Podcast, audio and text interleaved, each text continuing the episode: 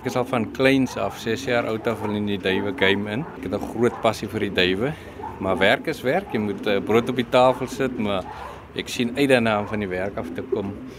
Uh na die duifies kom sien en vir hulle voor te berei vir die wetvlugte. Ek is nou al so 3 jaar basies uit die siviele bedryf uit. Ek is nou in die transportbedryf in. Duwe bly my eerste liefde, jong. Okay, hier aan die kant waar ons nou staan sê jy is die vlugduwe. Vliegduwe of vlugduwe en die ander kant is die teelduwe. Ja, die teelhokke, so daai duwe word net spesifiek gebruik om kleintjies te teel mee wat jy nou voorberei om in die wetvlugte deel te neem wat so einde Mei elke jaar begin en maak ons middel Oktober klaar en dit gaan uh, enige iets van 200 tot uh, 1100 km wat die duwe vlieg verskillende kategorieë afstande kortpad, middelpad, langpad. Sê gou vir my hoeveel duwe is hier so? Hier is nou so 130 vliegduwe en dan is daar hopeloos te veel teelduwe so hier seker so 140 teelduwe ook maar dis baie goeie duwe wat ek aanhou. Mense sukkel maar om van 'n goeie duif ontslae te raak. Nou jy's 'n kampioen hier in Kuilsrivier. Ek het gehoor, hoeveel jaar agtereenvolgens is jy nou al die kampioen?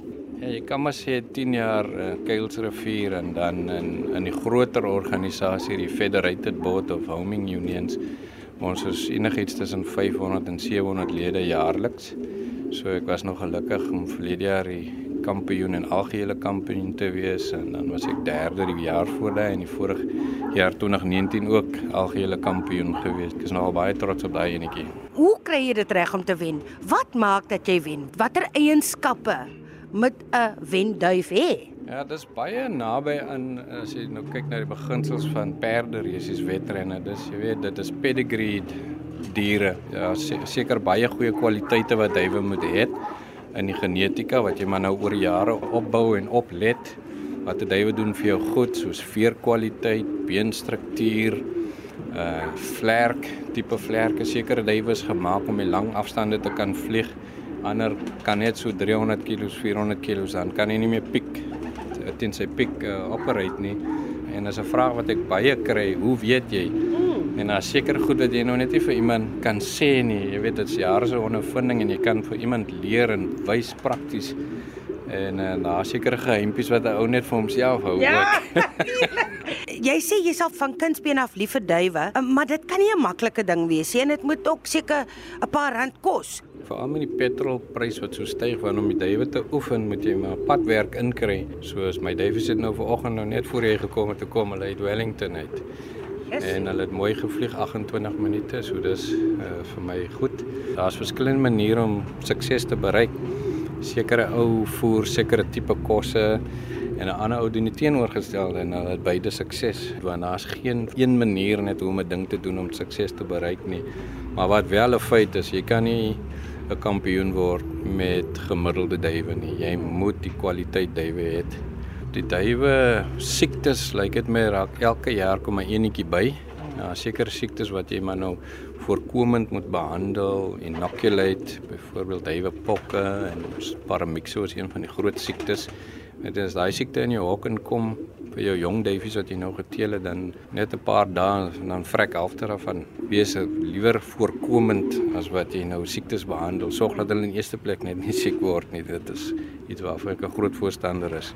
Ek het vroeër vir jou gevra wanneer ek kyk so na jou duwe, daai vetes aan daai kant, die teelduwe en jy het jou gunstelinge. Ek het gevra, "Hoe weet jy wie's wie?" Alle duwe lyk vir my dieselfde. En toe vra ek vir jou etle name. Jy het gesê net seker is die spesialis, maar dis ook mos nou nie reg nie. Ja, my standaard is baie hoog so om 'n naam hier te kry moet jy iets uh, spesiaals gedoen het. Ek het byvoorbeeld hierdie jaar 'n duif, sy naam is is Code 3, so uh, dit het gekom uit 'n halse ongeluk gehad so toe vergelyk het nou aan 'n kar waar jy sou sê jissie die duif sal nooit weer regkom nie. Met karre sê hulle moet dis 'n kode 3 kar hy's afgeskryf. En dis hoe hy sy naam gekry het en hy het nou al hier hierdie jaar vir my twee wedvlugte gewen. Tweede oudste duif op die op die erf sy sy kleur is rooi ons noem dit 'n rooie. Hy is 'n 2005 mannetjie en hy teel nog steeds wenners.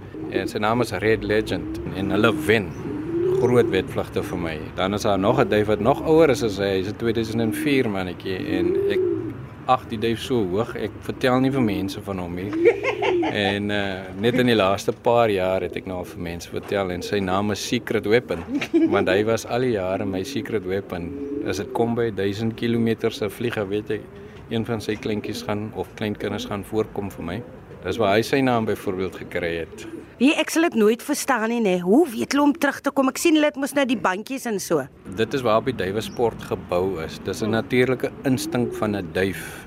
Uh, Natuurlik donkie jare gelede hulle te besef en in die oorlog ook dat um, jy weet as jy die duif daar los, sy eerste instink is ek vlieg huis toe, maak nie saak. So hy doen sy bes om by die huis uit te kom. Almal bly verskillende afstande, maar ons los 10000 duwe saam 500 km en almal is op pad Kaap toe. Almal probeer hulle bes om so gou as moontlik by hulle huise uit te kom. Maar daar gebeur allerlei goed langs die pad. Een van die groot goed is valke. Ja. Die duwe, ek het verlede naweek byvoorbeeld 3 duwe in een naweek gehad. Maar die Verloor? Nee, hulle het huis toe gekom maar met bloed en skade en so en hulle sal nou nie weer kan vlieg nie. sien. En dan goed soos drade, die duwe moet altyd maar mooi kyk vir die drade en uh, so as baie gevaar op die pad. So ek het baie baie respek vir die duwe vir dit wat hulle doen. Want van hulle vlieg byvoorbeeld op een dag 1000 km, so hy's 12 ure op die vlerk. En hy kom veilig huis toe na al daai Ek dink jy moet een van jou duwe duif noem. Duif. Dis duif, maar duif. Nee? Ek gaan ja, duif soek en dit na jou vernoem. Dan sê hierdie is duif. As ons nou praat van daai pryse wat hier binne is. Wat is daar alles? Jessie, moet ons gaan kyk. Kom ons gaan kyk. Sê vir ons 'n bietjie van die pryse? Ja, hierdie Bloemfontein is byvoorbeeld ek vlieg op in twee organisasies en uh, die een organisasie is die Boland so Parel Wellington area wat ek ook vlieg en ek was gelukkig verlede jaar om die eerste duif in daai unie te hê vanaf Bloemfontein. Jo, ek het hulle nog nooit getel nie, maar as ek so skat is dit so 40 in die 30s 40. Maar die is nou net die wat ek nou noem die spesiale trofee wat ek nou hou hier en ek het ook die plek vir al die ander nie. So oor my jare is daar nou al seker honderde trofeeë wat ek nie hier hou nie. Dit is nou soos die Federated Board Championship trofees en ek was bevoorreg om hom nou al twee keer te wen en met twee keer tweede en 'n derde plek ook. En dis tussen 500 en 800 man wat jy kompeteer. Hier is byvoorbeeld kortpad kampioen tussen almal daai langpad kampioen. Dan ook vir jou wat ons noem 'n icebird, dis jou beste duif in 'n byvoorbeeld 'n middelafstand kategorie of kort afstand of lang afstand. So ek het nou al die middelafstand icebird gewen en die lang afstand icebird. So duisende duisende duwe wat kompeteer vir daai prys. Ek loop nou weer terug na die duwe toe. Enige toekomsplanne nog? Kom ons stel dit so duwe drome of sê mens duifdrome.